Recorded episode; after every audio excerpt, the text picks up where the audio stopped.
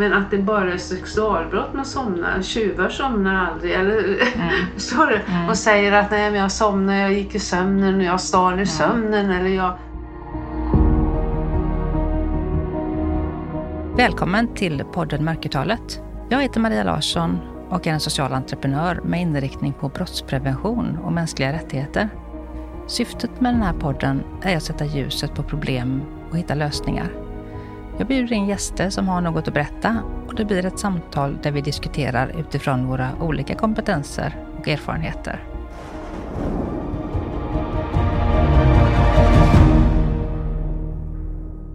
Idag kör vi del två av Hemma hos-samtalet med Monica Dahlström Lannes. Eh, Monica är före detta polis som under sitt yrkesliv har arbetat med att utreda sexualbrott mot barn. Och hon är ju mamma till Eskilstuna-modellen som är föregångare till dagens barnahus. Men eh, idag kommer samtalet röra sig runt de två böcker som hon har skrivit och vad barnkonventionen har betytt för barns rättigheter i de här väldigt grova brotten som hon har utrett vill också tillägga att samtalet med Monica är min allra första inspelning och jag har inte blivit varm med kläderna vad gäller tekniken och intervjumetodik. Så jag ber om överseende med det. Men det Monica har att säga är väldigt viktigt, så god lyssning. Ja, jag tänkte vi skulle idag prata om de böcker du har skrivit, Monica, som är mot dessa våra minsta var ja, den första. Mot dessa våra minsta. Ja. Och Blåmarken får vi alla. Ja. Och blåmärken kom ut ganska nyligen. Ja, förra året. Förra ja, året. Ja. Mm. 2022. Och eh, Mot dessa våra minsta kom ut 91 va? Ja, 90 eller 91. Mm, ja. Mm. Och, och den har ju varit en mm. bibel för alla mm. som har varit utsatta för sexual, sexuella övergrepp och, eller, och utreder för de som då vill läsa ja. och förstå och lära sig mer. Den kom ju i en tid när det inte fanns eh, något material kan man säga om det här och eh, den eh, var Rädda Barnen som gav ut den mm. och den trycktes i fyra upplagor mm. och säljs faktiskt fortfarande. Mm. Och det som är intressant är väl att den håller när det gäller utredningar och beskrivningar och så. Lagstiftningarna har ju ändrats i, en del då men, men i, i sak så, så kan man använda den i utbildning fortfarande. Mm. Precis, det, utredningsmetoder och så håller mm. och eh, tyvärr också då att det ser lika illa ut. Ja. Nu som då. Ja. Så tyvärr har det inte hänt något speciellt på, vad blir det nu, 30 år då? Nej, nej det är ju väldigt frustrerande. Jag har skrivit otroligt många eh, artiklar genom åren, hundratals. Så när jag tittar tillbaka så kan jag säga att man kan använda dem idag. Att det inte har hänt någonting. Och, och det gör mig verkligen frustrerad och arg. Mm. Att man inte kan eh, påverka på det sättet som, så att det leder till någon förändring. Mm. Det, eh, och hur kunde det bli så här? Och det är ju många som har jobbat med det här på olika sätt som, som ställer frågan Mm. Hur kunde det bli så? Men för vi, hade, vi har kunskap och vi har erfarenhet, forskning, mm. eh, offer som är, är vuxna idag berättar. Och, eh, vad är det som gör att det inte landar på rätt sätt? Mm. Och den andra boken, eh, där började jag att skriva eh, 2015 faktiskt. Och sen har det varit, kommit in fler och fler och fler fall. Och eh, eh, ja, det är likadant där att, att eh, jag känner mig så frustrerad och arg över det jag ser. Va? Så att jag beslutar mig då för att skriva ner och berätta. Mm. Och hoppas då att eh, eh beslutsfattare orkar eh, ta in den här verkligheten också som finns Många tror ju inte att, att det är möjligt att det går till så som jag har eh, berättat i boken. Men allting är eh, det är kollat, det är läst, det är självupplevt. Jag har ju eh, också själv vittnat och, och, varit med i många av de här fallen. Då, så att eh, jag vet vad jag talar om. Mm. Ja, precis. Och det, det är så här, ingen vill ha våld, ingen vill ha övergrepp mot barn. Eh, vi tillsätter stora resurser för mm. att det inte ska bli så. Mm. Vi har myndigheter mm. på plats mm. Eh, men mm. ändå så lyckas vi inte eh, avbryta, stoppa, stävja, Nej. förebygga. Alltså det som myndigheten Mm. har som uppgift och uppdrag i det här. Eh, och dina böcker är ju otroligt värdefulla just för att du har eh, det polisiära bakom dig. Eh, att du liksom möter människor i utsatthet, lyssnar på deras berättelser och eh, du vet ju också vad myndigheter borde göra. Ja. Du har ju lagstödet i ryggen så Mm. att säga. Mm. Och det gör ju de här böckerna extra, extra värdefulla helt enkelt. Mm. För du, du vet ju, du har utrett de här typen av brott. Du vet ju vad du ska ta fasta på och, Mm. och lyfta fram. Och jag blev jag blev väldigt slagen av liksom just den här attityden som framkommer ibland hos myndighetsutövare då, ehm, av, av olika slag. Och attityden som kan genomsyra arbetsplatser då, Mm. eh, på myndigheter. Mm. Eh, Jag fick en bild, eller såg en bild, eh, där någon har varit på ett barnahus. Och då fanns det en, en liten tavla på väggen eh, som stod på med massa leksaker runt omkring på sådana tavlor, Mm. list. Eh, och på den tavlan så står det då barnahus, a place to feel like home. Mm. Och det känner jag är så tydligt att det är vuxenperspektiv som gäller. Mm. Det finns alltså barn som kommer till ett barnahus. De har ett helvete hemma. Mm. De vill inte komma till ett barnahus som känns som, Som hemma. hemma. Nej, i Nej. alla fall inte det hemma. Nej. Nej, nej. Så det är sånt tydligt vuxenpers- vuxen- vuxenperspektiv Mm. Mm. hos de flesta myndigheter och det är där vi felar. Mm. Så när du säger lyssna på barnen så är det så rätt. Mm. För det, vi har vårt vuxenperspektiv och bedömer de här situationerna utifrån det. Mm. Vi har inte ens vi får inte ens in i huvudet att vi har ett vuxenperspektiv. Nej, Nej, utan, nej. sant. Så att de som har satt den här tavlan Barnahus A place to feel like home. Mm. De har ju känt sig otroligt nöjda med sin insats att Ja, sätta ja. den där. Ja.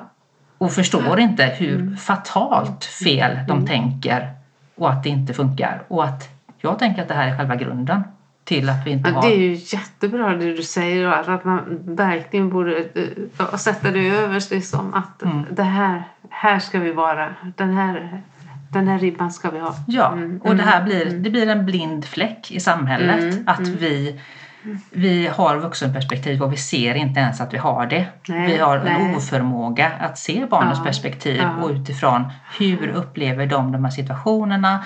Hur har vi regler? Eh, metoder som är barnvänliga? Mm. Eh, lyssnar vi på barnen? Mm. Lyfter vi fram dem? Ställer vi följdfrågor? Mm. Är vi intresserade av barnen i den situationen man och säger ju utsatthet? väldigt ofta att, att eh, våga fråga och orka lyssna. Och det är det här just att, att finnas kvar och orka lyssna och ställa rätt och våga fråga. Det är, vuxna är faktiskt väldigt fega också. Otroligt Ja. fega.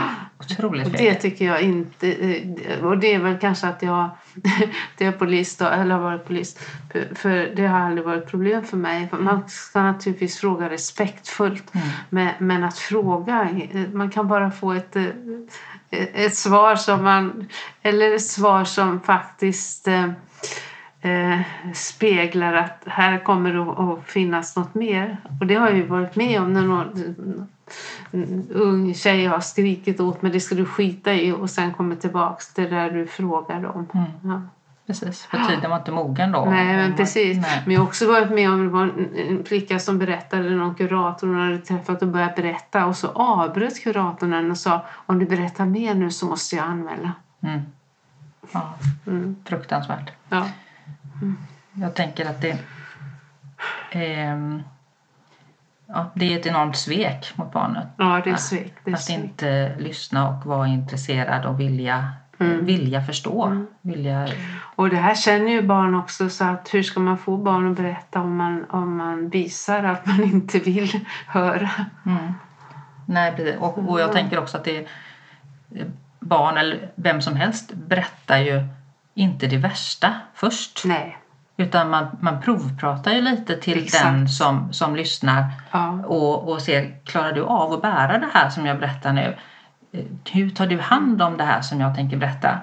Och om den personen inte klarar av det, kanske börjar gråta eller blir väldigt känslomässigt Mm. eller upprörd arg och nej, och, eller upprörd över det som sägs. Mm. Antingen att han inte tror eller att upprörd för att det är hemskt det som sägs. Mm. Eh, då kommer ju inte det här barnet att berätta mer. För att Nej, det är väldigt, precis- är mång- det. väldigt många vuxna som inte klarar av att ta hand om sina egna, eh, Nej. sina egna känslor. Nej. Och då måste barnet ta hand om de känslorna också. Och de är dessutom uppfostrade i den här destruktiva miljön att ta hand om andra Mm. Ja, vuxnas eh, behov och känslor. Så att det, den, den, trigger, den triggar in direkt den, den känslan. Eh, så du, du kommer, då får man inte något större förtroende eller något mer Nej, förtroende nej, om man nej. inte kan hantera det. Och det är ju väldigt många vuxna som tänker ja men jag, jag frågar men sen ja, så Ja, stannar så man därvid. ja.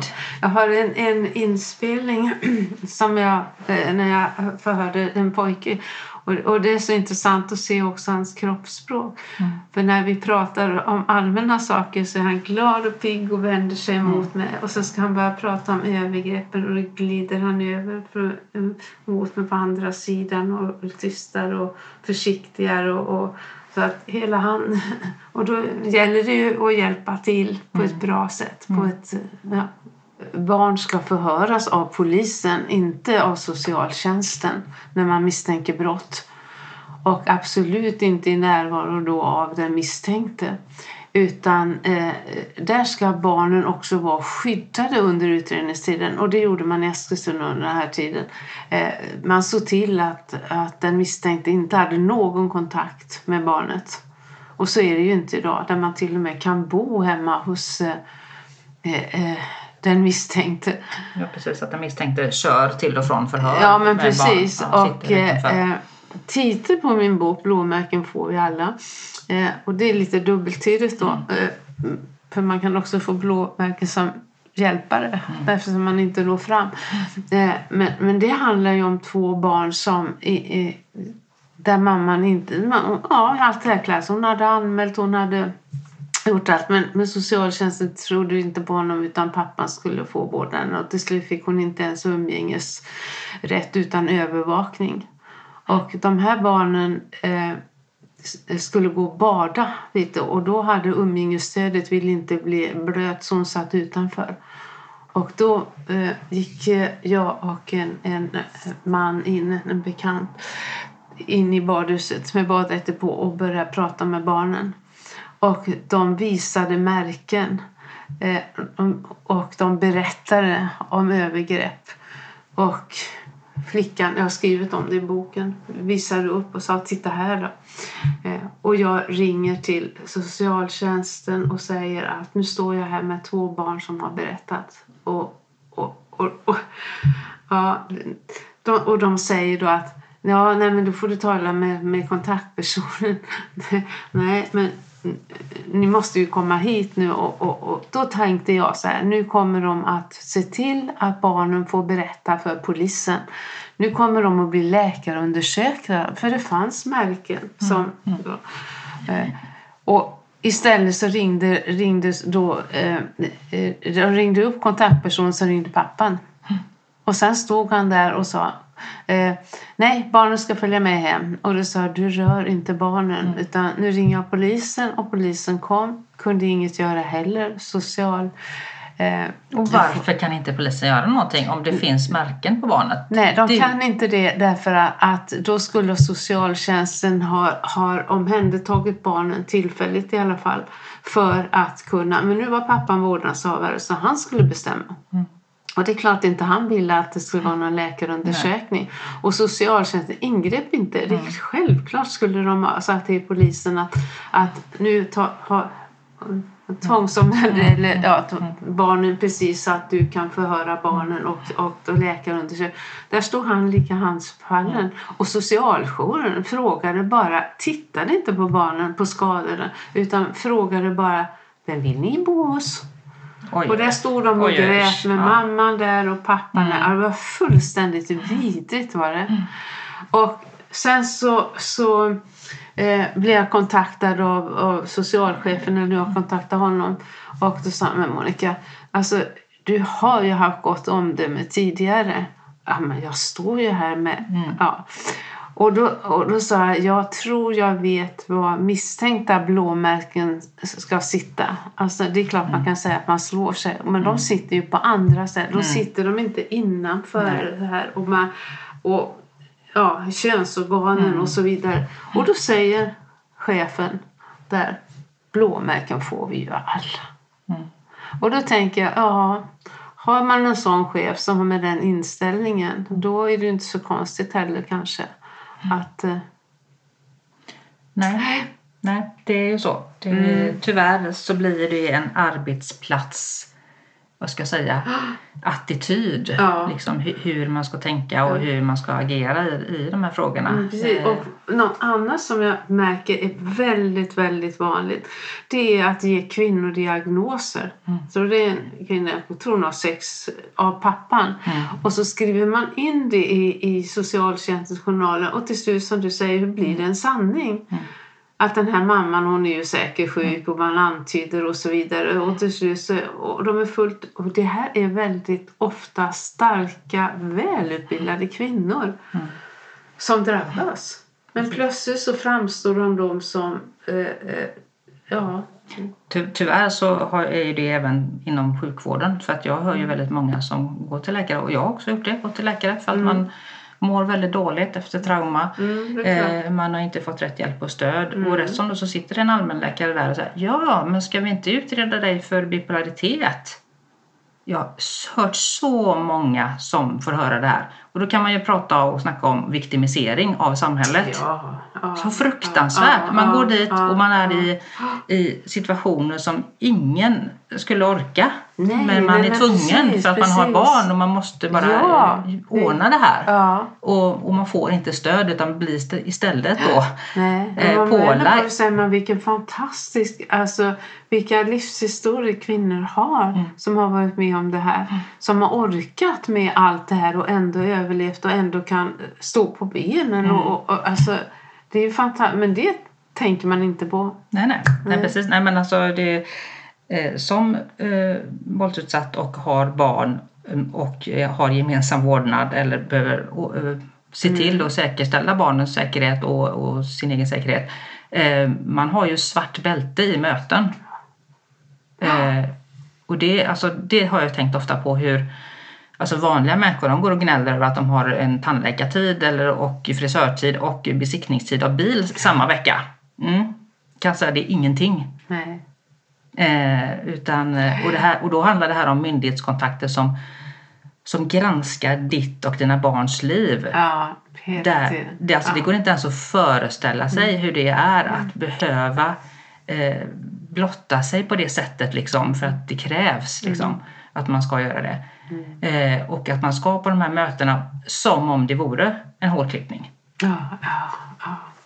Det är ju inte det. ja. Nej. Nej, nej, nej. Det, och jag är väldigt imponerad av just det här grundarbetet som ni gjorde och du gjorde och var involverad i med Eskilstuna-modellen. Önskar ju att, ni, att fler då barnahus och tog efter det här.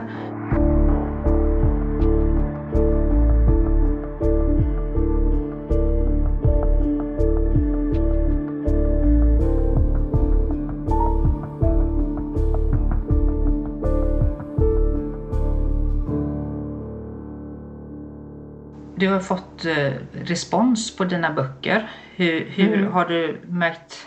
Den, den första boken är ju är 30 år drygt. Och hur har det varit responsen från samhället? Och, Ja, enorm respons och eh, eh, verkligen. Och, ja, eh, fyra fort- upplagor tänker jag säger en del. Och fortfarande så Ja. får jag eh, meddelanden om folk som har läst och det har haft betydelse för dem. Mm. Så det är ju jättetacksam att, att den har gjort nytta om jag säger så och hjälpt barn. Mm. Ja. Och den här nya boken då, Mm. eh, vad, hur tänker du, hur har responsen varit och vad, vad tänker du att den ska Res- göra? Ja, responsen har varit... Alltså, Bibliotekstjänst gör ju bokrecensioner och där fick den högsta betyg. Mm. Och sen de som har läst den eh, har inte hört något negativt så Mm. utan tvärtom att det, det är tung läsning på det sättet men, men eh, att, eh, eh, att det är en viktig bok. Mm.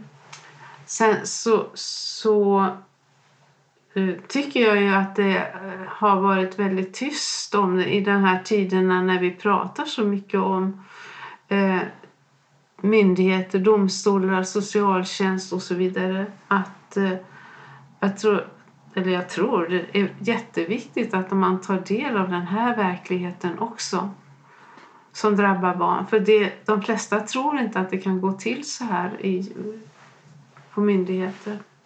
Nej, mm. det, det var ju min upplevelse också mm. innan jag lämnade min relation mm. så tänkte jag ju att jag hade ju stort förtroende och för att, att skyddsapparaten funkade liksom, skyddsnätet då. Eh, men jag har ju blivit varse då att den har stora brister och mm. stora hål. Mm. Eh, och det, den, det var inte jag riktigt beredd på. Nej. Så kan jag säga. Eh. Men just det här att det är ett lotteri vem man möter, mm. att det ska vara så avgörande hur det ska gå. Mm. Ja, det är ett postkodslotteri ja. brukar jag säga. Ja. Det, det beror på, är du mm. på en plats där det finns ett barnahus som är välfungerande och som, mm. eh, där man har rutiner på plats. Mm. Och, och så ska man inte det ska Nej. inte vara så. Det ska inte vara att det beror på var man är född eller av vem man är född. Eller... Nej, och det som gläder mig i, i det här är att, faktiskt att polisen ofta får eh, bra eh, kritik i sina ingripanden. Det är klart att det finns några som inte är så bra och så vidare att, att laga. Men de flesta eh, vill verkligen eh, göra någonting bra för barn och sen att de inte hinner och inte, inte får numera mm. därför att resurserna inte räcker till är en annan sak. Mm. Och sen då att faktiskt socialtjänsten saboterar polisutredningar. Mm. Därför att de berättar för den misstänkte eh, och, och det har vi sett. Vi har fått ut journaler där de säger du kan du ta reda på vad polisen gör och, och de får verkligen veta det av socialtjänsten. Mm. Eh, ja. Och sen det här, detta att de går in och håller någon slags förhör själva innan polisen. Mm. Det är helt fel. För de flesta poliser är väldigt proffsiga och, och eh, Precis. bra. Ja, och det jag, har, jag har stort förtroende för polisen där att de mm. gör det de kan. Och jag har faktiskt varit med om själv att um, kom till ett, en social, eller ett, ett möte på socialtjänsten och mm. de här två social, socialsekreterarna frågade mig om mitt ex kan få ta del av bevisningen för den kommande brottsrättegången. Eh, och jag blev så oerhört perplex. Alltså, ja. Så jag, eh, jag vet inte, jag måste... Jag, du vet, man är van vid att vara till lagstiftningsställd ja. och, och, och, säga ja till allting då. Men jag blev så bara, oj, nej men det här kom lite plötsligt, jag får tänka på det. Ja. Och sen går jag hem och bara, vad hände här? Han har alltså manipulerat ja. två stycken till att fråga ett brottsoffer om förövaren får ta del av bevis. Hallå! Ja, och då förstår man ju liksom. Ja, ja, ja. ja, det, här, ja, mm. det, det är på så låg nivå. Ja, ja det är verkligen det. I vissa fall är det otroligt låg nivå. Ja. Nej usch, det är så obehagligt att vara med om sådana saker då när tjänstemän inte gör mm. rätt liksom i sak. Um, nej. Men jag tänker den här boken här nu. Um, mm. jag, jag har ju läst den förra boken. Uh. Otroligt bra. Jag har läst den flera mm. gånger. Och den, uh, man, ja, man blir skakad. Den är uh, insiktsfull, den är hoppfull också. Mm. För man ser ju det, i allt mm. det här så ser man ju okej, okay, vi kan ju jobba på det här sättet istället mm. och faktiskt åstadkomma stor skillnad mm. eh, i de här fallen. Eh, jag har inte läst din bok eh, Blåmärken får vi alla ännu. Jag mm. kommer att köpa den av dig här mm. strax och läsa och göra en recension på den. Men jag tänker att den är minst lika bra. Jag hoppas att du tycker ja. det. Men det som har varit roligt också att eh, eh, några av de här barnen i den första boken är ju mm. vuxna mm. nu och man har fått kontakt med och, och också kunna fråga dem hur det var i förhör och hur de, ja, och, och hur det har gått för dem framför allt. Mm. Och, och de, eller de flesta, det vet jag inte, men, men de jag har fått kontakt med, då har det gått bra. Men, eh, några, precis som du säger, lever av sviterna av övergrepp. Mm. Ja, så är det mm. mm. Även om de har kommit ut och kommit ja, Men he, riktigt hela har de inte blivit. Nej. Mm. Jag tänker att det är väldigt, väldigt viktigt att ta till sig hur de här då bra, hur, Mm. ungefär som man, eh, forskningen kring KASAM eller KASAM, Mm. att eh, känslan av eh, menings, eh, samhörighet och meningsfullhet. Ja. Eh, och eh, där tittar ju forskningen på liksom vad var det som gjorde att de som överlevde eh, Mm. Auschwitz och de här Ja, eh, ja, just- utrotningslägren då. Ja, ja. Att vissa av dem fattade mod i livet igen och vissa inte gjorde det. Mm, Eh, Så den här forskningen bygger ju på de eh, studierna kring det. Och då var det ju mycket så att de- det som just den här känslan av meningsfullhet och samhörighet var så otroligt viktig. Ja, ja, Och ja. att man hade liksom någonting gemensamt med andra. Man kände att vi har en mening. Mm. Trots att det var så fruktansvärt meningsfullt. Meningslöst menar jag ja, i ja, de här ja. lägren. ja. Och där tänker jag att, det, att titta på hur de personerna då som har klarat sig igenom de här vedermödorna Mm. då med eh, övergrepp och våld i sin barndom då. Hur de har fått sina liv och vad de har varit väl för dem Mm. eh, och vad som inte varit bra då. Att vi i större grad lyssnar till dem Absolut. för att absolut. ta till oss hur vi kan Ja, göra detta bättre. Ja, ja. För jag tänker att det är ju det som är liksom mål och mening med allting. Att det, eh, hur kan vi göra saker bättre? Hur kan vi åstadkomma läkning? Men, men jag slås också av att eh, så många har varit så starka, alltså överlevare som verkligen har, eh, har man överlevt så har man också den, ja, de här trauman. Mm. Så eh, det, det är något speciellt som kan mycket, de vill mycket, men som du säger, får rätt stöd och får, får hjälp så eh, kan jag tycka ibland att det inte behövs så här... Ja, nej, det var fel sagt. Stora insatser, men jag menar att man finns där och att det... det Ja, nej, men jag tycker som du där att det, eh, man får ändå inse att det finns en, eh, en problematik, det finns ett eh, svårighet att, att alltid få en fällande dom. Mm. Eh, Men då tänker jag att det är desto större anledning att satsa på just mötande personal.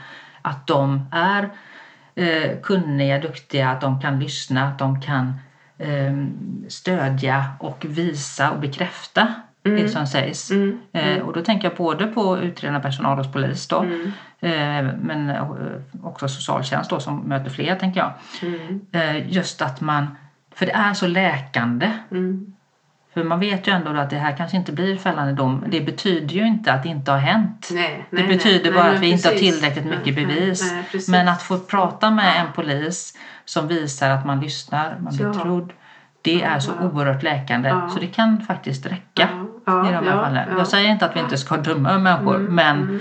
just den biten är så läkande så att det är inte det är inte kanske till slut om det blir en fällande dom som är läkedomen i sig utan det är Mm. Nej, processen. Nej, ja, det har du alldeles rätt i. Ja, och, och att möta människor då som, som har omsorg, som, som visar på eh, empati och bekräftelse. Mm. Det gör någonting med den och känner sig, man känner sig fri Mm. ifrån det här. Och det är otroligt viktigt och värdefullt. Jag, hoppas att jag någon gång får komma och föreläsa det för blivande polisaspiranter Ja, och så. Att ja, man, ja. För att visa vikten av det här. Ja. ja, men det vet jag också när eh, eh, kurserna på Polishögskolan. Mm. Och var män då som, som eh, förhörde flickor och vilken betydelse de fick Mm. då också blev bra förebilder och, och eh, att någon man kan lita på. Precis. Och som man kan ha, kanske också ha kontakt med lite senare också. Mm. Och eh, jo, men det händer mycket, mycket positiva saker också naturligtvis. Mm. Gör det ju. Ja, det är många, många människoöden. Det är många Som du människor. får ta del av. Ja, ja. Ja, jag hoppas att de här böckerna fortsatt får eh, vara både till läkedom och till utbildning framför allt. Mm. Eh, till eh, Det är väl där man skulle vilja att... Mm. eh, att de tar in dem på både ja. Polishögskolan och eh, socionomutbildningen. Ja, Mm. och juri, Ja, juridik, juridik, ja, fakulteten. juridiken, domstolarna. Ja. Mm. Mm. De är eh, riktigt, riktigt bra. Mm. Ehm, Ja. Stort tack för att du har skrivit dem. Mm. Jag ska tacka de som har hjälpt mig också, som har berättat för mig och som har ja, vågat, vågat berätta. Vågat berätta, Ja, precis. ja. Ja. Jag har också eh, varit med en liten bit på den här metoo-boken. Vad hette den? Metoo som... eh, Var det Alexandra Pascalidou som, som höll i trådarna, tror ja. jag? Mm. Mm. Det var ju... Det är intressant det här med metoo och eh, eh, backlashen efter. För det är ju faktiskt en backlash nu, det upplever man. Mm. Att, eh, Ja, Mm. det blir väl, jag hoppas att det blir eh, typ rond två. Ja, för jag tänker Mm. också så här, det är ju väldigt många underskrifter, protester, manifestationer och så vidare. Eh, Man vet vad folk vill och, eh, och tycker. Mm. Och både män och kvinnor och så. Men eh, sen måste det hända något mer radikalt ändå. Att det spelar ingen roll hur mycket vi går på gatan om ingenting eh, fastnar hos beslutsfattare och att man, man implementerar lagarna och följer, följer lagarna. Ja, precis. Nej, men exakt. Och det jag tänker att det, mm, det blev ett, ett uppvaknande, ja, kan man säga då, Mm. för den andra halvan av befolkningen. För Mm. den första halvan visste ju redan om det här med metoo och var ju, behövde ju för, förhålla sig till Ja, det här då. Men nu fick ju även då den manliga delen av befolkningen reda på att, att det var på det här sättet. Och Mm. De allra flesta tyckte ju att det var hemskt såklart Mm. och att så här kan vi inte ha det. Eh, Men jag upplever ju också att det inte riktigt har kommit i mål där då. Nej, det var rätt ord. Ja, Ja, utan ja, man, har, ja. man, Mhm. man förstår inte att det gäller eh, en själv och en närhet och att precis Nej. samma sak som, tänker jag då, med, med, med brottsbeteende och Mm. eh, oförmåga att se vad som är vad så är det en Mm. attityd Ja. som, krävs. ja, det är en Ja. attityd. Ja, och jag har ju jobbat på manliga arbetsplatser i, princip hela mitt liv.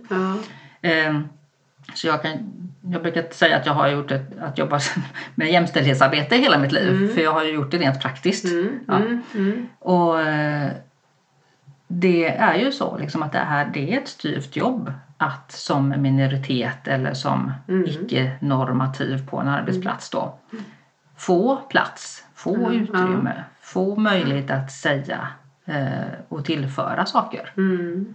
Eh, och eftersom jag då råkade bli shanghajad in och, och var med och startade och ledde polisens metoo-upprop Mm, mm. trots att jag var den enda som inte var polisanställd. Mm. Men det var ju en erfarenhet. Och mm, där ser man ju också där att en del, det finns jättemånga fina bra arbetsplatser som absolut är jämställda Mm. och, och Mm. har ett inkluderande arbetssätt. Men Ja. väldigt många som inte har det. Ja, ja. Och där är det ett stort problem. Och tyvärr tror jag inte att då alla de på den arbetsplatsen förstår att det är ett problem. Nej, nej, men det är ju det första då, att man måste förstå att det är ett problem och göra Ja. något åt det. Ja. Men jag har läst den här boken, vad heter boken med, med polisen och jag, ja, kära någon. Ja, du menar nödvärnsuppropet Ja. där? Själva, Ja. Och eh, jag själv har ju, har ju eh, faktiskt haft otrolig tur då, för jag har inga upplevelser av eh, dåliga upplevelser inom kåren på det sättet. Mm. Men, eh, vad jag tänkte mer.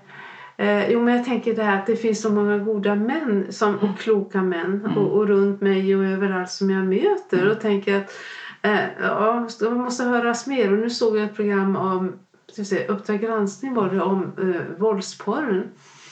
Och, och det var fantastiskt fina killar som hade en podd och, och pratade om det också. Att, att eh, eh, det här skadar ju också eh, eh skadar ju män. Eh, alltså de tror att de måste bete sig på ett visst sätt och det tror kvinnorna också.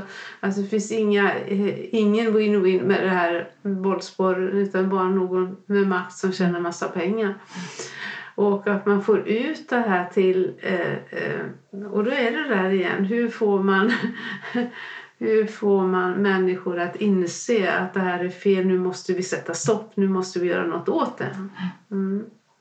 Ja, precis. Och jag tänker också att det, eh, det sexuella tändningsmönstret är ju så skört. Ja. Det är så lätt att förändra och fördärva Mm. och förskjuta gränserna Ja. för sitt sexuella Ja. tändningsmönster.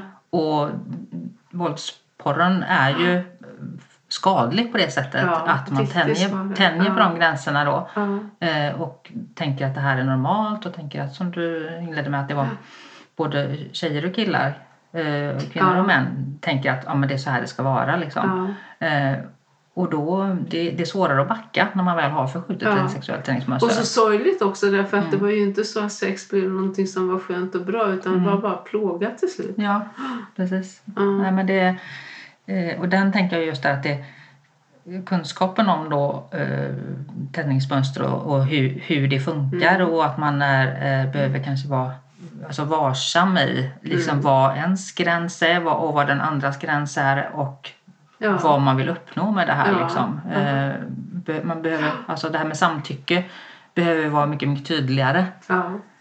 och mer uttalat. Liksom. Det, det är ändå så. Och vad vill jag? Vågar jag säga ifrån? Och har jag modet? Och, och det är ju inte så enkelt om man är ung.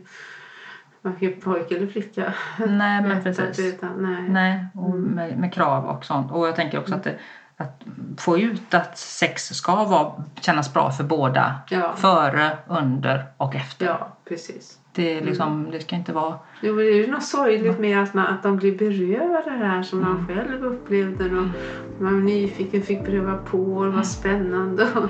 Mm. Precis. Ja, det är ja, jätte, jättesorgligt.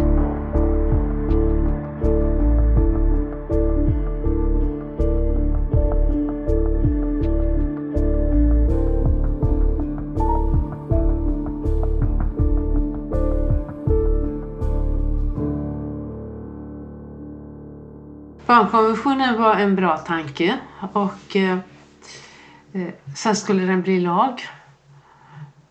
Och eh, det var väl inte riktigt genomtänkt för eh, ingen vet hur man ska eh, implementera den här lagen. Eller, och jag har aldrig hört någon som har blivit anmäld för brott mot barnkonventionslagen. Och jag träffade Stefan Löfven vid något tillfälle och frågade hur har du tänkt att göra. Då sa han, ja en ny utredning förstås. Men det har faktiskt inte hänt någonting. Den är väldigt tandlös och, och till och med meningslös i, i det avseendet att man inte kan eh, ja, man kan inte åtala någon för brottet mot barnkonventionslagen. Däremot är det ju bra att barn vet till exempel att eh, att man ska bli lyssnad på till exempel. Och, ja, eh, så de vet sina rättigheter. Men jag pratade med en 11-årig flicka för ett tag sedan och hon sa att, eh, att ja, de vet alltså vad ja, rättigheter de har. Och, och, och de säger, det står så, en tjej tycker jag var så kul, att jag har rätt eh, att gå till skolan men jag måste inte. Så kan man också tolka det. Men barns rätt att komma till tals, det, det vittnar många barn om att det, de blir inte lyssnade på. En 11-åring sa att under sex år har jag talat om vad jag vill för 27 handläggare på socialtjänsten. Men de, de, de lyssnar inte på mig, de hör inte vad jag säger. Och, och då tänker jag också kostnadsmässigt. 27, vad kostar inte alla dessa meningslösa möten? Och hur kan man... Eh, ja, det är mycket jag inte jag förstår var, varför. Ja, precis. Nej, men absolut. Och den, jag förstår ju också det, den tankevurpan man gör där. Att man tänker att ett barn är manipulerat Mm. eh, av en eller den andra, Ja. ena eller andra föräldern då. För att tycka någonting eller vilja någonting. Ja. Eller, eller säga att man... Ja, eh, det- att det är på ett visst sätt då. Mm. Jag förstår den tanken. Eh, det är bara det att det är så oerhört lätt att Mm. ta reda på om det är så Ja, eller inte. precis, så så precis. varför man underlåter Ja, sig nej. att fortsätta prata med Nej. barnet och krafsa på det här, Nej, skrapa precis. på det, Mm. ställa följdfrågor, Mm. eh, fördjupa sig i det eh, när det är så otroligt lätt. Utan man bara låter det vara. Man, man, liksom, Mm. man, man drar en, en slutsats som man inte har rätt att dra. Nej, och sen har du den andra sidan också då, då när eh, eh, till exempel pappa då får hela vårdnaden och man stänger av umgänget med mamman och säger nej barnet vill inte och så vidare. Mm. Och vem påverkar barnet då? Då för man inte alls. Nej, då är det inte, det är inte den Nej. diskussionen då. Nej. Nej, precis. Nej. Nej, och den, för jag hade nämligen en medlare eh, som eh, var i tingsrätten, eh, begärde att få en medlare för att ta reda på Mm. just varför barnen inte vill gå till sin pappa. Och den här medlaren förstod att okej, det här är ett knivigt fall. Eh, det här måste göras enligt konstens alla regler. Den här medlaren var en advokat också, eh, så att hon var ju kunnig inom juridik. Så. Och hon pratade liksom med, pratade med mamman, med Mhm. pappan, Mm. så separat, med barnen separat liksom. Och sen med mamman och pappan tillsammans slutligen då. Och utifrån det här så skriver hon en, en, en så sju helvetes bra rapport kan man väl säga då. Mm. Där hon redogör för varje möte för sig, Mhm. vad som har sagts och också då hur hon upplever Mm. personen, Mm. allt, alltså sin upplevelse av Mm. det. Eh, och sen också då gör en, en sammanfattning av det då. Mm. Och den var ju så vattentätt. Mm.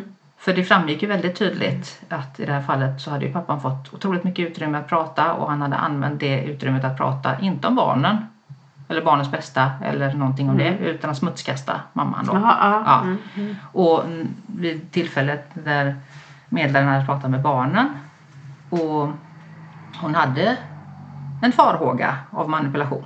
Mm. Och då hade hon ju ställt följdfrågor och hon hade gått in i de här diskussionerna Mm, kring mm. då va- varför vill du inte träffa mamman och, Ja, eller pappan ja, och, ja, och, och verkligen liksom gått in och gått flera steg. Alltså why, why, why, varför, varför, varför i, i många steg där. Mm. Och det framkom ju, barnen älskade ju sin pappa Mm. men var otroligt ledsna över att han inte kunde möta deras Mm. liksom som person, att de var egna individer, Mm. personer, att, de, att han körde över deras eh, talan, deras Mm. sätt att vara, deras liksom, uttryck Mm. och att det blev otroligt jobbiga situationer Mm. som de inte klarade av. Mm. Eh, och att de inte orkade träffa honom. Mm. De ville gärna träffa honom men Mm. de orkade inte. Mm. Och allt det här framgick ju. Jättebra. Ja, och det känner jag ju liksom det att, att om man nu håller på i år efter år och utreder barn Mm. och jag tänker som organisationen Maskrosbarn Mm. de, de, ja, de gör ju självskattning av, av de ungdomarna som söker sig dit. Mm. Eh, där man får se hur man mår och, och sådana saker. Så de, det blir ju mätbart att deras insats är väldigt bra för dem. Mm, mm. Men det framgår ju också att de här barnen då har ju varit föremål för utredningar av socialtjänsten i princip varje år under hela sin uppväxt. Ja, ja. Men inte förrän de har kommit till maskrosbarnen så har de känt att de är, känner sig sedda, hörda, lyssnade Ja. på, att de får läkning och att de får inte känner sig som ufon längre Nej. utan här finns det människor som Nej. förstår mig. Och då tänker jag ju så här, för att jag kommer från industrin Mm. eh, och om man gör utredning på ett barn varje år i sig tio år Mm. Eh, Det är ju samma typ av problematik som är, liksom, som är hela tiden. Ja. Den förändras ju inte Nej. nämnvärt under Nej. de här åren utan det är ju samma grundproblematik. Man inte lyckas knäcka det. Mm. Man lyckas inte hitta vad det är. Eh, Man kommer inte fram till och, och leder fram till insatser som, som faktiskt är till hjälp till Mm. barnen då. Eller familjen. Utan det här inom industrin kallas för backjobb. Mhm. Gör man någonting och det blir fel eller inte tillräckligt bra och man måste göra om det, då blir det backjobb. Mm. Ja, det är ingen som gillar backjobb. Nej. Det tar eh, energi och resurser. Ska man kalla tillbaks fordon inom fordonsindustrin kostar Mm. jättemycket Ja, pengar och, ja. och kalla in eh, bilar och ut igen och reparera. Ja, ja, och, och jag förstår ju fullständigt att socialtjänsten går på knäna Mm. om de måste ständigt göra backjobb. Ja, Så, att, det här var ju jättebra. så kan vi bara ge rätt, ja, ge rätt. Mm. verktyg till socialtjänsten, metoder, utbildning i trauma, Ja. i övergrepp mot barn och manipulation. Jo, Så då tänker skulle jag. det ju också bli mycket enklare. Ja, Att man så mycket enklare. Ja, det var ett väldigt bra förslag. det, ja, men jag tänker det att det är ju...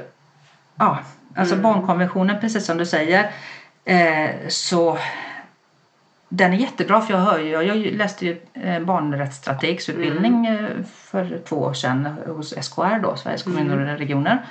Eh, jättebra. Eh, och det var många där från olika kommuner. Mm. Eh, och då får man ju höra hur, hur de jobbar och tänker Mm. och så här. Och, och de har ju öppnat upp för att släppa in barn i beslutsprocesser Ja. vad gäller alltså både stadsdelsutveckling och, Mm. och såklart lekparker och, och, och olika saker då. Mm. Eh, och det är ju jättebra. Mm. Men det hjälper inte de här barnen som vi pratar om Nej. idag. Nej. Nej. Eh, och jag upplever ju att det tvärtom har blivit värre efter barnkonventionen kom till lag för de här mest utsatta barnen på grund av att myndigheter tror att de gör rätt saker. Och Ja, ja. förtroendet för myndigheter Mm. med uppdrag att utreda och hjälpa och stödja Mm. barn i utsatta situationer. Eh, Det förtroendet för de här myndigheterna att man redan har saker på plats. Det, den, det är för stort det förtroendet Mm. för det uppfylls inte. Nej. Det finns inte på plats. Men i och med att man tror att det finns på plats så, Mm. så fortsätter man att agera på Ja, ett sätt som ja, inte är ja, ofullständigt. Eh, Så min uppfattning är ju tyvärr att barnkonventionen har inte tjänat ett syfte för de allra mest utsatta som jag kan Nej, tycka. men det har det inte. Nej, Nej. utan de har istället fått ännu värre. Nej, Eh. jag skulle man ju vilja ha någon riktig granskningskommission som gick in och tittade på Mm. de här. Vad blev konsekvenserna av det och, och, och hur mycket, ja, som du säger, hur mycket hjälp fick de egentligen, de här barnen som det, ja, Och då, då kommer vi till nästa fråga då. Eh, Tillsynsmyndigheter. ja. Ska vi ta och gå igenom det? Ja, vilka det ja, är och ja, vad de har för syfte. Eh, Som, vad, vart kan man vända sig både som barn och anhörig Mm. när eh, man upplever att det har tagits ett felaktigt beslut Mm. kring barnets väl och ve av myndigheter? ja, det är en jätteintressant fråga. Eller Ja, det, det, fråga som du inte får svar på. Det, nej. Nej, men jag, jag tänker JO har man gjort jättemånga Mm. anmälningar. Men då, det är ju också väldigt godtyckligt om man tar upp det. Man, man, man har, behöver inte. Det är olika eh, eh, tjänstemän där som, som gör enväldiga beslut. Liksom. Så Mm. man behöver inte ta upp ett ärende. Mm. Och, och, så- det, det, ehm, jag tror aldrig jag har fått rätt. Jag har skrivit många anmälningar, men aldrig. Och JK, väldigt svårt också. Eh, och just de här ärendena, jag vet inte om det är så att man tycker att det är så jobbiga ärenden som man inte, för det är ytterst sällan man, man får rätt där. Och eh, sen har du IVO. Och det, det är ju lika där någon gång så har de väl eh, gett någon varning men det är väldigt, väldigt svårt att få rätt. Och sen eh, Barnombudsmannen som inte går in i enskilda fall.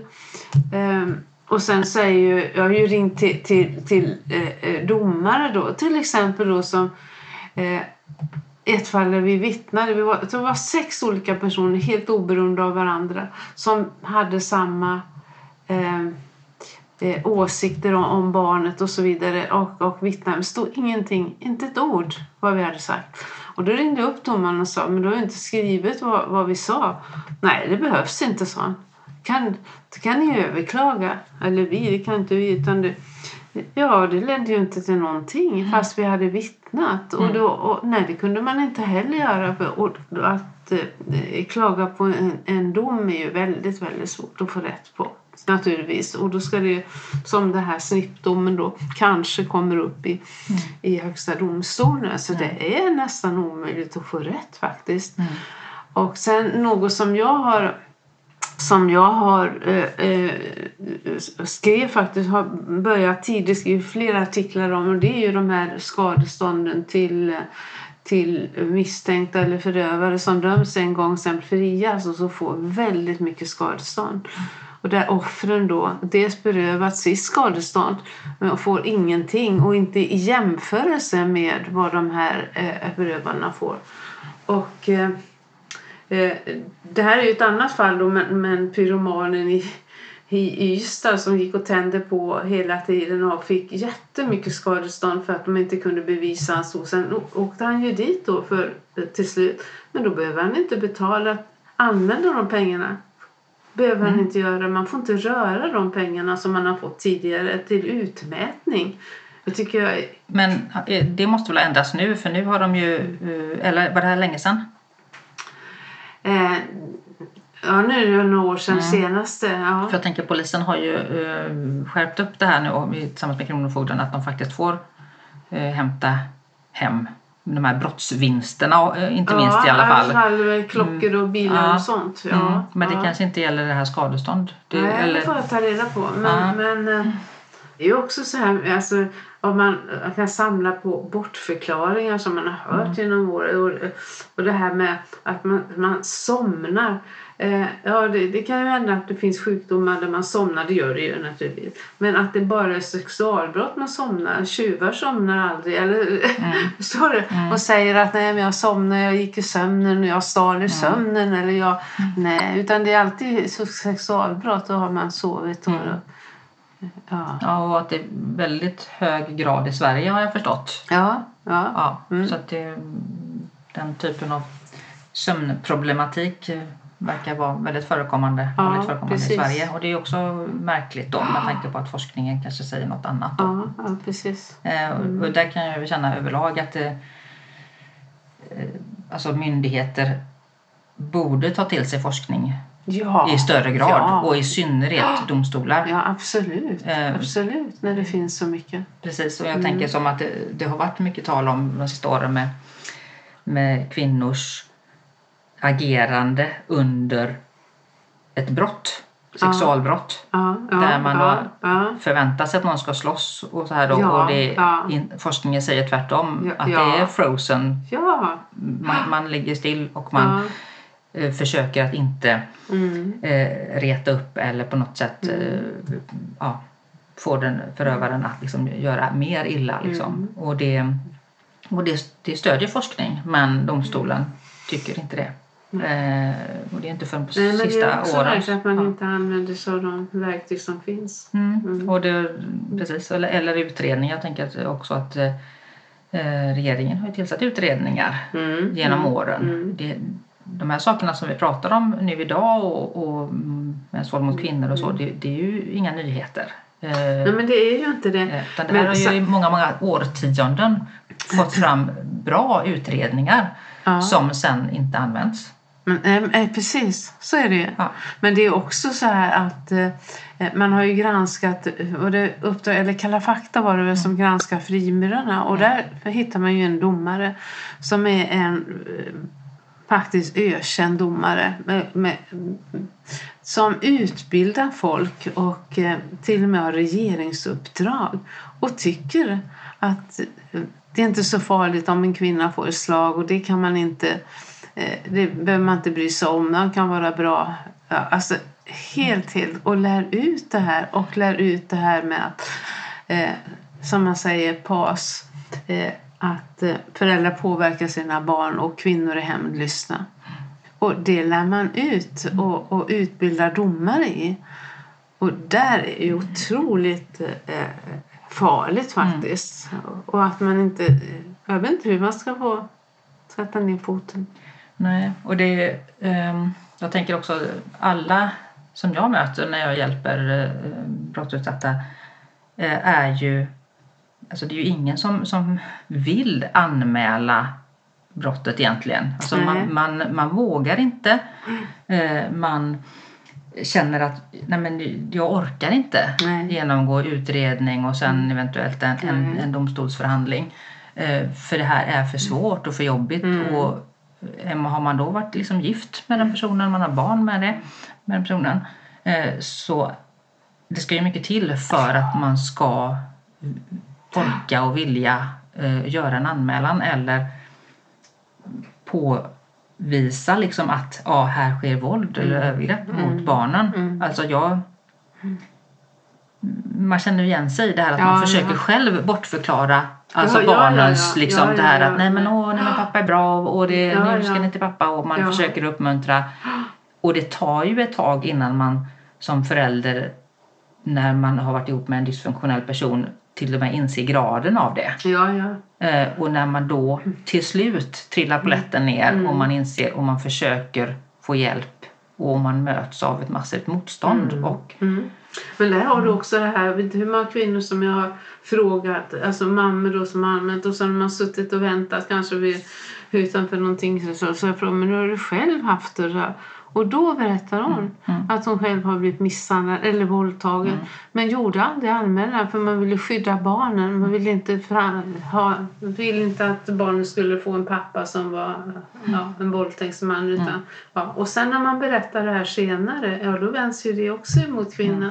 För berättar hon inte tidigare Men det får ju en förklaring. Mm. Ja, men precis. Och det, är det finns ju också forskning som stöder det, Ja. att, att det sker. Man, man, Ja. man säger inte direkt. Och man, Nej. när man lämnar en sån relation då ligger man väldigt lågt. Man försöker bara bli fri. Man, Ja, man, ingen uppståndelse. Man absolut inte retar upp Nej, den där personen nej, nej, på inga villkor. Så, så det är ju också Överleva. ja, ja, precis, ett tydligt liksom, Mm. tecken på att, man, att det ser ut som det gör. Eh, att, och att det är det uppkommer senare liksom de här både att man orkar eh, anmäla eh, först en tid efteråt eller Ja. att man har förstått att Alltså- barnen också far illa. eller- Ja, jag förstår vilken... Eh, om man mobilis- måste mobilisera alla krafter. Det är så, så jobbigt att Mm. göra anmälan. Ja, nej, men precis. Mm. Och det, jag vet ju, eh, jag, menar, jag har ju, har ju ett otroligt lindrigt fall i mitt fall. Jag var mest psykisk misshandel. Men det blev ju ändå en fällande dom för ringa misshandel. Men i, Mm. vänt, i avvaktan på den domen, Mm. det- efter eh, domstolsförhandlingen så, så tar det ju 14 dagar, tre veckor Mm. innan dom faller. Och innan, alltså när jag anmälde då var det ju för att jag bara kände att okej det kan inte fortsätta så här för det eskalerar och vi hade redan separerat och Mm. liksom var, det var klart liksom. Men, men våldet fortsatte ju Mm. ändå. Och till slut så slog jag mig framför barnen när jag skulle hämta. Och det, kan inte ha det så. Det, Vi kan ju inte vara rädda för det. Så att jag gjorde... Ja, först ringde jag faktiskt polisen och, och hörde hur funkar det här? Jag, jag har ju aldrig ja, Mm. kommit i kontakt med polisen innan. Eh, och hur går det här till? Och, och, eh, utan att uppge vem jag var. Och fick prata med en väldigt, väldigt fin poliskvinna där som eh, berättade så här, så här gör man och har det varit barn inblandade så gör vi en orosanmälan till socialtjänsten. Och då kände jag att okej, då kanske de blir sedda och hörda här. Då gör jag en polisanmälan. Mm. Mm. Mm. Men eh, jag kände det att det spelar ingen roll om man blir fälld eller inte. För det, det här är bara en liksom, markering från min sida. Mm. Att det här är inte okej. det, det, så här kan det inte vara. Mm. Du får sluta liksom. Mm. Mm. Men när jag väntade på domen. Då kände jag det att oj. Tänk om det blir ett avslag. Att han inte blir dömd för det här. Då har ju det enligt hans modell inte hänt. Nej, precis. precis. Eh, och så är det ju inte utan det är bara att de inte kan bevisa det. Ja, ja. Men eh, i, i ett förövartänkande så är det ju så att då har inte det hänt. Nej. Och eh, då blir det ännu värre Mm. än tidigare. Mm. Ehm, och då förstod jag ju det här liksom att ja, nej, det är väldigt viktigt att det blir en dom. Ja, det- men det, det, så Det- är det ju. Mm. Inte bara för upprättelse utan också för ordning och reda Ja, ja. Mm. i sitt liv. Mm. Möjlighet att, att kunna. Vad fick han då för straff? Nej, det blev inga misshandel eller böter. Ja, Han var ju Mm. inte straffad innan. Mm. Men eh, just den Ja, känslan. markeringen är med Ja, precis. Och jag känner som sagt att jag är ett otroligt lindrigt fall. Mm. Eh, men man har ju gått igenom processerna som sådan. Liksom. Mm. Ehm, ja.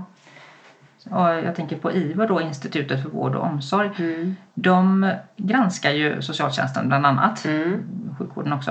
Eh, men vad jag förstår, de går ju in och tittar på enskilda fall. Mm. Men eh, inte med syfte att rätta till utan det handlar ju om att eh, ge en typ en reprimand till Mm. det socialkontoret som, som har gjort den här utredningen Mm. för att se att de inte ska göra samma fel igen. Igen, ja. Men det hjälper ju inte Nej, det här nej. aktuella fallet.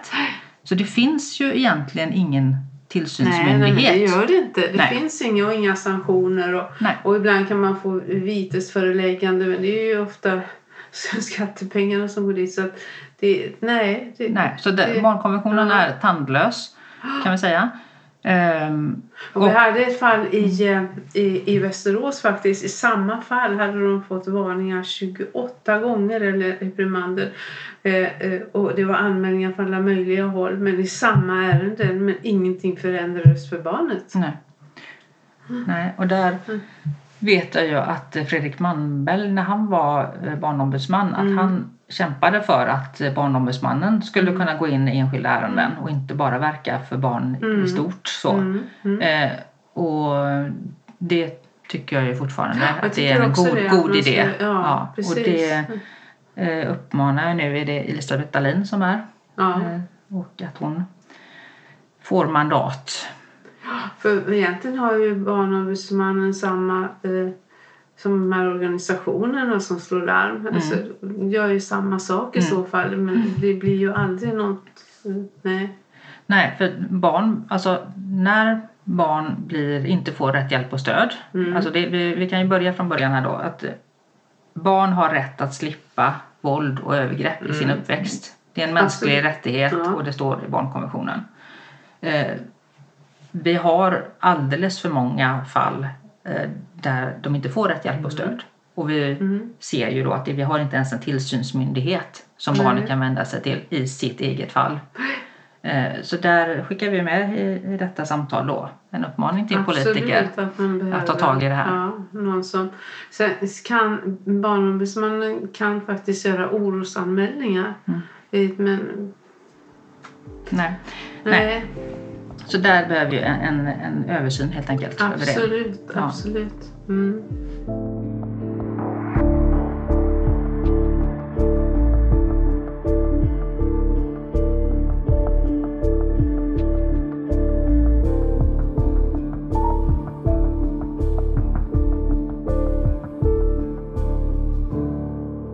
Vad tänker du med barnkonventionen? Hur, har du för tips eller råd för att den ska bli verklighet för de här mest utsatta barnen? Vad, vad borde myndigheter och, och organisationer göra för att kunna för, liksom, upp, uppfylla barnkonventionen? Har du några tankar kring det? Alltså man sprider ju budskapet och man har ju haft väldigt mycket information i skolor och barn känner till det. Alltså den delen är ju uppfylld. Men sen hur, hur upp, följer man den sedan och när det blev lag och hur... Jag tänker för de här utsatta barnen som, som du och jag Ja. mest träffar då. Eh, där de har en grundutsatthet för våld eller, Ja, och, och ja. eller övergrepp men sen inte heller har fått rätt hjälp och stöd. Då. Hur, hur ska Nej. de, deras rättigheter tillvaratas? Men jag, jag skulle säga så här att om du följer lagarna om du följer de andra lagarna som vi har. Vi har ju bra lagar i Sverige om vi bara följer dem och implementerar dem. Men, och, och gör man det så uppfyller man väl barnkonventionslagen också. Mm. Eh, så jag vet inte hur man ska eh, presentera just barnkonventionslagen i sig. Utan det ena följer nog det andra. Ja, det hänger ihop. Mm. Det hänger ihop. Ja. Det, Men just det här som vi talade om förut också om eh, sanktioner. Att det inte finns några sanktioner att tala om om du gör fel. Och det finns inget tjänstemannaansvar. Och det är ingen som tar ansvar för någonting. mm. Utan... Eh, nej, det blir ingens ansvar. nej, det blir ingen verkstad. Nej, det Alls. blir inte. Nej. Nej, och det upplever jag också att det är mycket snack och, och ingen verkstad Mm. eh, i det här. Det, det är som sagt igen då, ingen vill ha våld, ingen vill ha övergrepp mot barn. Det är det, det vidrigaste vi kan tänka oss. Eh, men det sker mitt framför ögonen på oss och mitt ibland oss Mm. och eh, vi behöver ju bli mycket, mycket bättre Mm. på att eh, ta hand om det. Absolut. Ja. Och kanske att vi behöver mer mod. Alltså att våga säga ifrån också. Människor är ju väldigt rädda för att, att eh, hamna i konflikt och man ska vara lagom och försiktig. Och, och allt det där att man ska vara försiktig för ord står mot ord fast det egentligen inte gör det. Mm. Eh, eh, Så det är väldigt mycket. Och jag har ju också varit med om som jag tycker är jätteintressant massmedia. Nu har det ju verkligen börjat att slå igenom. Eh, Men jag vet inte hur många eh, eh, journalister som har faktiskt försökt att skriva om det men har fått nej på redaktionen. Och så finns det några som har kommit ännu längre fram och faktiskt gjort någon intervju men, men då har chefen sagt att det går inte att sända och då blir det alltid stopp. Mm. Och, för man ursäktar sig med att nej, men man, om man vågar inte och man kanske blir stämd. Och, och, och, det, och det, så de här frågorna har verkligen tystats ner. Mm. Ja, precis. Jag, jag upplever också att det finns en, en beröringsskräck för det här. Ja, precis. tills nu det här sista som har skett då med mordet på Mm. Tintin och uh, snippardomen där man då i, har fått Ja. det in i fikarum och i det dagliga Ja. eh, samtalet Ja. och där man med rätta då förfäras över att Ja, här men det är också sker. intressant för att innan dess har det ju också funnits Ja. eh, barn som dödas, barn som, alltså, och så blossar det upp och så lägger det sig och så är det precis som vanligt igen. Mm. Mm. Ja, och där tänker jag, där, där har ju alla vi ett ansvar då att se till att Mm. Men då tänker jag att man inte lär sig av misstagen då. Och man, alla dessa varningssignaler innan de här eh, kvinnorna och barnen döda, för det finns ju fullt med varningssignaler. Att då måste man ju lyssna på dem som, som larmar nu så att det inte händer igen. Precis. Ja, precis. Och jag tänker Socialstyrelsen har ju i uppdrag både att utreda eh, dödade barn Mm. eh, efter lex Bobby Mm, mm. och, men även eh, att utreda dödade kvinnor och de som nästan har blivit dödade. Mm. Ja, Ja, ja, så att de, de har ett utvidgat ansvarsområde där nu. Så att när den näst, Även om de har överlevt liksom, men där det var nära på då. Eh, och när man tittar på deras eh, utredningar där så ser man ju liksom att det de flesta har ju larmat innan och varit. Alltså de, de var alltså kända och de, av liksom samhället, alltså den här situationen de befann sig i. Mm.